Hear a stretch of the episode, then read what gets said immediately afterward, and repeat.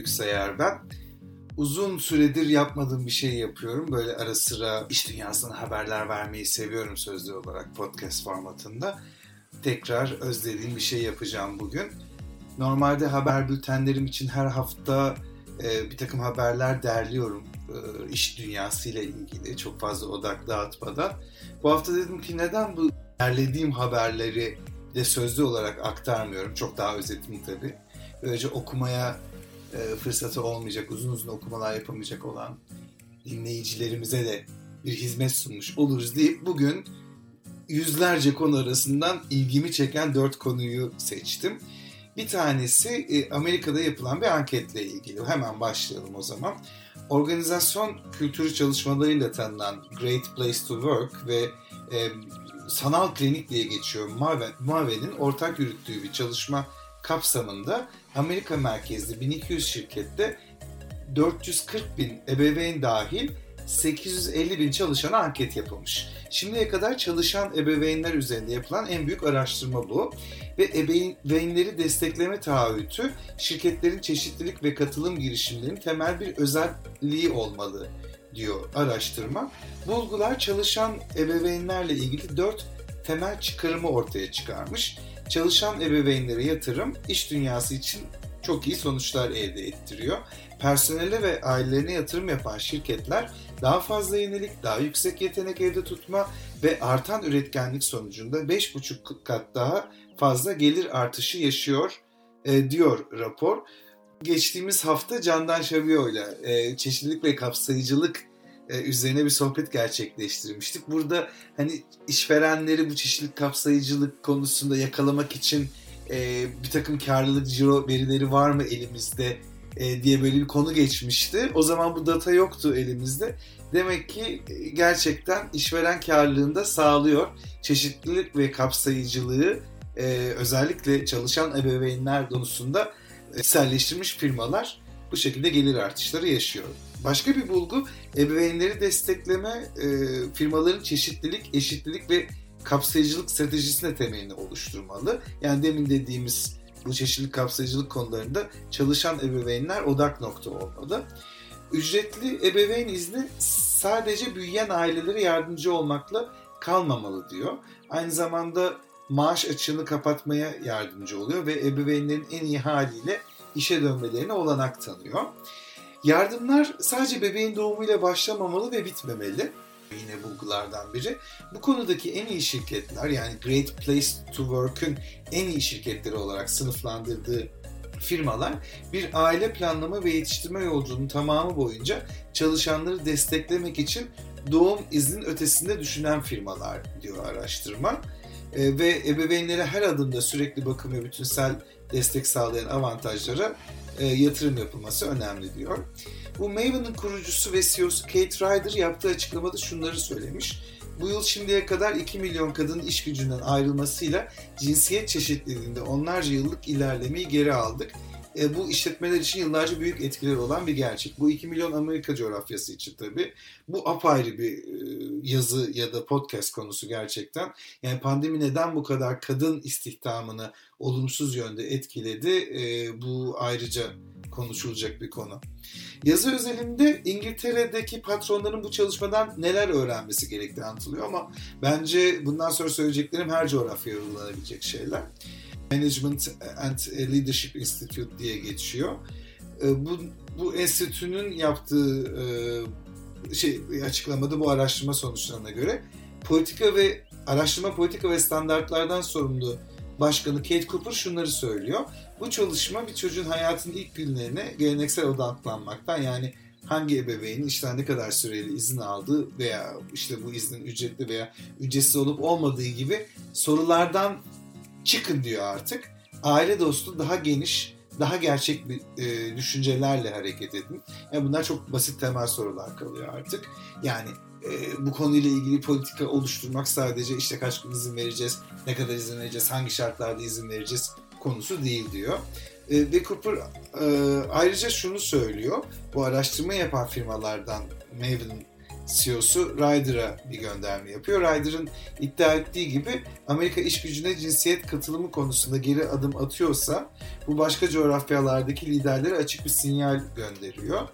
Aile dostu kuruluşla neleri başardığına dair bu kanıtı özümsemeli, özümsemeli ve şunu sormalıyız. Onlar gibi olmak için ne yapabiliriz? Çalışanlarımızın karşılaştığı devam eden ev içi talepleri nasıl daha iyi anlayabiliriz? Ee, çalışan ebeveynlerin kategorisine uymayan personeli dikkate almak çok önemlidir diye ekliyor. Yani sadece çocuğu olanlar değil, ancak insanlar daha ya, işte yaşlı ebeveyni olanlar var, aile dışı bakmaktan sorumlu olduğu kişiler var. Ee, buraya kadar genişliyor skala. Artık biz bizim coğrafyamızda bu duruma ne zaman gelebiliriz? Biraz şüpheli tabii ki ama biraz zaman alacak muhtemelen. Ee, ve en sonunda Cooper ekliyor. Burada önemli olan personelin sorumluluklarının yerine getirilmesini sağlamak ve onları tatmin edici bir yaşam süresi, yaşam sürmeleri için desteklemek ki bu iş yaşam dengesinin özü diyor. E, bu ne sağlıyor? Kurumlara yardım etmeye daha kararlı, daha iyi e, çalışanlar elde ediyoruz böylece diyor. Bir sonraki konumuza gelelim. Bir akademisyen ekibin şaşırtıcı bir makalesine göre e, yapay zekanın beşeri beceriler söz konusu olduğunda e, hiç yeterli olmadığı biliniyor ve hatta bunun ucu açık yani fantastik gibi bir şey geliyor.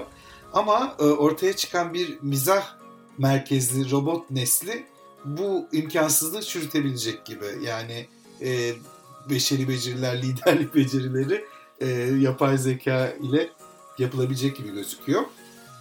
26 Kasım'da e, The European Business Review'da yayınlanan makale liderlere bir uyandırma çağrısı sunuyor ve yapay zekanın kişiler arası ilişkileri destekleyen bazı duygusal refleksleri başarılı bir şekilde taklit edebileceği fikrini e, ortaya atıyor. University of Exeter Business School'da kıdemli öğretim görevlisi olan Dr. Jamie Glure liderliğinde bu akademisyenler. Ve şu anda bunlar aslında gündemde. Bir ABD televizyonda gece geç saatlerde şakalar yapan insansı robot Sofia, izleyicilerin geri bildirimlerine sezgisel olarak yanıt veren robot stand-upçı Data, alaycı ifadeler kullanmak için programlanmış Alman yapımı bir ironi bot ve eğlenceli kısaltmalar, şarkı taklitleri, kelime oyunları sunmak için tasarlanmış araştırma laboratuvarlarında hazırlanan büyüyen bir program yelpazesi var diyor. Ve akademisyenler e, şöyle belirtiyor. Bu yapay zeka destekli makinelerin gerçekten mizah gibi beceriler için gerekli olan anlam duygusunu ve e, bağlama duyarlılığı geliştirebileceğini gösteriyor diyor. Ve onların görüşüne göre sözde komik yapay zeka etkileyicidir. Çünkü mizah birkaç yumuşak beceri gerektirir. Görünüşte ilgisiz kavramları komik bir şekilde birleştirmek için yaratıcılık ve ona uygun bir bağlamda kullanmak, değerlendirmek ve yanıt vermek için duygusal zeka gerekiyor diyor ve şunu ekliyorlar.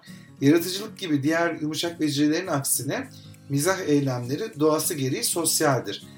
Cazip ve etkilidir. Hatta uzmanlar Turing testlerinde mizahı anahtar olarak tespit ediyor veya yapay zekayı onunla etkileşimde bulunan bir kişinin bir insan yine bir makine ile etkileşime girdiğini belirleyip belirlemeyeceğini görerek test ediyor diyor. Buradan şuna gidiyoruz. Robotlar mizah konusunda ustalaşabiliyorsa bu liderlik rolleri gibi daha teknik olmayan beceriler gerektiren daha insani rollere adım atabilecekleri anlamına geliyor. Ee, tabii şimdi gerçek hayatta e, milyarlarca kişiden kaç kişi komik bana göre o da e, tartışılır. Dolayısıyla zaten insanların zor becerdiği bir beceri bu. Mizah konusu. E, Allah kolaylık versin diyorum. Hemen bir sonraki konuya e, geliyorum. Charles Towers Clark adlı abimiz çalışma hayatının geleceğinin 2021'de neye benzeyeceğine yönelik bir e, makale yazmış. Bence çok da dikkat çekici taraflar var. Bazıları bildiğimiz, bazıları bilmediğimiz. Şimdi diyor ki dokunsal zamanda teknoloji. Biz 2020'de tabii ki pandemi sebebiyle neyi tattık? Görüntülü görüşmeleri ve bununla ilgili çarpıcı bir bilgi. Mesela sadece Nisan ayında Zoom'da yaklaşık 300 milyon kişi günlük görüntülü görüşme özelliğini kullanmış. Ancak bu iletişim sınırlı biliyorsunuz. Görüntü ve ses. Ama e, bir yandan da arkadaşlar ve meslektaşları yakın olmanın değerinin de fazlasıyla netleştiğini söylüyor. E, dolayısıyla 2021'de beklenen vücut dilini, yüz ipuçlarını okumaya yardımcı olacak birçok proje e, ve bu tabii gelişmiş teknolojinin daha rafine ve erişilebilir hale gelmesiyle ortaya çıkacak. Onun dışında Oculus biliyorsunuz e, Facebook'un sanal gerçeklik teknolojilerini hayata geçirdiği firmalardan biri. Çoklu monitör kurulumu ile yapay şey diyor artırılmış sanal gerçeklik ortamları oluşturulacak diyor. Bu da işte bizim böyle iki boyutlu ekranların yarattığı o kısıttan daha gerçekçi bir iş yeri ortamına dönüşmesi için fırsat sağlayacağını söylüyor. E, çünkü her ne kadar tamam uzaktan çalışma teknik olarak mümkünse de insanların daha fazla etkileşime ihtiyacı var. E, işte buradaki bu e, sanal gerçeklik ortamı bu ihtiyacı azaltacak gibi gözüküyor.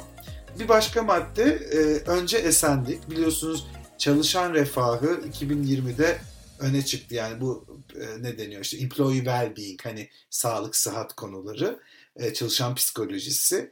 Adam Grant'in bu konuyla ilgili bugün başka bir e, verdi, soruya verdiği cevabı cevapla da çok bağlantılı aslında. Adam Grant diyor ki artık bu çalışan memnuniyeti, çalışan bağlılığı yerine çalışan sıhhati yani çalışan esenliği konularını bırakmalı diyor. E, ve e, aslında tabii ki yine e, bu verimlilikle de çok bağlantılı e, refah e, ve bu hayati bağlantıyı kabul eden işverenler e, çalışanların evden de çalışırken mutlu ve zihinsel olarak e, sağlıklı çalışmalarına yönelik önlemler alacak diyor yazı. E, işte bu kişinin hani sürekli daha üretken ol, sürekli daha çok çıktı ver yaklaşımından öte 2021'de artık kişinin üretken olması gerektiği duygusu ortadan kaldırılmalı diyor. Bu çok güçlü ve iddialı bir söylem bence. E, ve ters etki yaratan her zaman açık olma kavramını e, hesaba katmak e, için esenliğe odaklanma e, kavramı genişletilmeli diyor. Yetkinliğe dayalı organizasyonlar. Şimdi e, başka bir konuda bu. Otomasyon teknolojileri endüstriyel üretime ve hatta en modern tıbbi uygulamalara mahsus olmayan çalışma hayatlarına daha da yayıldıkça yapay zeka ile birçok kez e, daha hızlı ve verimli bir şekilde tamamlanabilen süreçlerde e, insanları çalıştırma fikri artık çok demode ve hiç rekabetçi değil diyor yazı. Yani dolayısıyla e, artık hani makinelerin ve e, yazılımların yapabileceği her şey onlara yüklenmeli. Organizasyonlar insan tarafında daha çok makinelerin henüz beceremediği yetkinliklere odaklanmalı diyor. İşte bu e, aklınıza gelebilecek her türlü insani beceriler biraz önce bahsettiğimiz liderlik becerileri üzerine. E, yani yaratıcılık, duygusal zeka, girişim ve bu, yetkinlikleri oluştururken, bu yetkinlikleri parlatırken şirketlerin mutlu, güvenilir ve bağlı çalışanlara yönelik süreçleri geliştirmesinin kurumsal dronlardan daha üretken olduğu gerçeğini ortaya koyuyor diyor yazı. Dolayısıyla 2021'de yetkinlik temelli organizasyonlar ön plana çıkacak diyor Metin. Ee, uzaktan yeniden eğitim farklı bir başlık. Ee, işte yeniden öğrenme konuları da çok revaçta ya şu anda. Yani tamamen uzak bir çalışma yöntemine geçmek tabii ki uzaktan çalışma, uzaktan eğitimi de e, getiriyor. Dolayısıyla bu standart öğrenme e, araçları geleneksel eğitim yöntemleri e, bunlar arka planda kalacak. Zaten uygulanabilir değil. Yani zaten 2020 başlı başına bir öğrenme oldu. Yani uzaktan çalışmayı öğrendik. bir de komik bir şey okumuştum geçen yorum. Yani neden yüzlerce uzaktan çalışmayla ilgili eğitim var? bilgisayarını evden açıyorsun ve telefonla internete bağlanıyorsun. Bu kadar basit bunun ne eğitimi diye. Yani katılmıyor değilim ama tabii ki ıı, farklı dengeler de var orada. E, dolayısıyla yeniden öğrenme e, ve uzaktan yeniden öğrenme çok e, önemli e, olacak ve bu da yapay zeka destekli eğitim platformlarıyla öğrenme sürecinin kişiselleştirilmesiyle her bir kullanıcı için ayrı, her bir kullanıcı için ayrı ayrı daha ilgi çekici hale getirmesiyle mümkün olacak. Ve yazıyı şöyle kapatıyor. Hani Çin takviminde ilginç ilginç yıllar vardı işte öküz yılı, yılan yılı, bilmem ne yılı falan. Ee, öküz yılı diyor 2021 için. Ee, ve 2021'i şöyle tanınıyor. Şüphesiz yeni gelişmelerin ve başka bir yıkımın yılı olacak. Hani yıkım bu disrupt, disruptive anlamında, iyi anlamda da olabilir. Ancak e, şirketlerin bu değişimi kontrol etme ve kesintilere yanıt verme şekli kimin hayatta kalacağı, kimin başarılı olacağı e, ve kimin yetişemeyeceği konusunda belirleyici faktör olacak diyor. Otomasyon zaten var.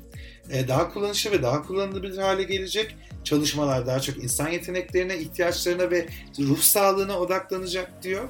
E, şimdi de 2020 üzerinden aldığımız dersleri 2021'de hayata geçirme zamanı diyerek yazıyı e, noktalıyor. Son konumuz Allah düşmanının başına vermesin dediğimiz böyle paraşütsüz uçurumdan kariyer çakılışları var. E, 7 tane çok ön planda çok başarılı e, CEO yönetici e, gibi kişilerin e, yaptığı hatalardan dolayı nasıl istifa etmek zorunda kaldıkları ya da kovulduklarına yönelik bir yazı bu. Ben üç tanesini podcastime konu ediyorum.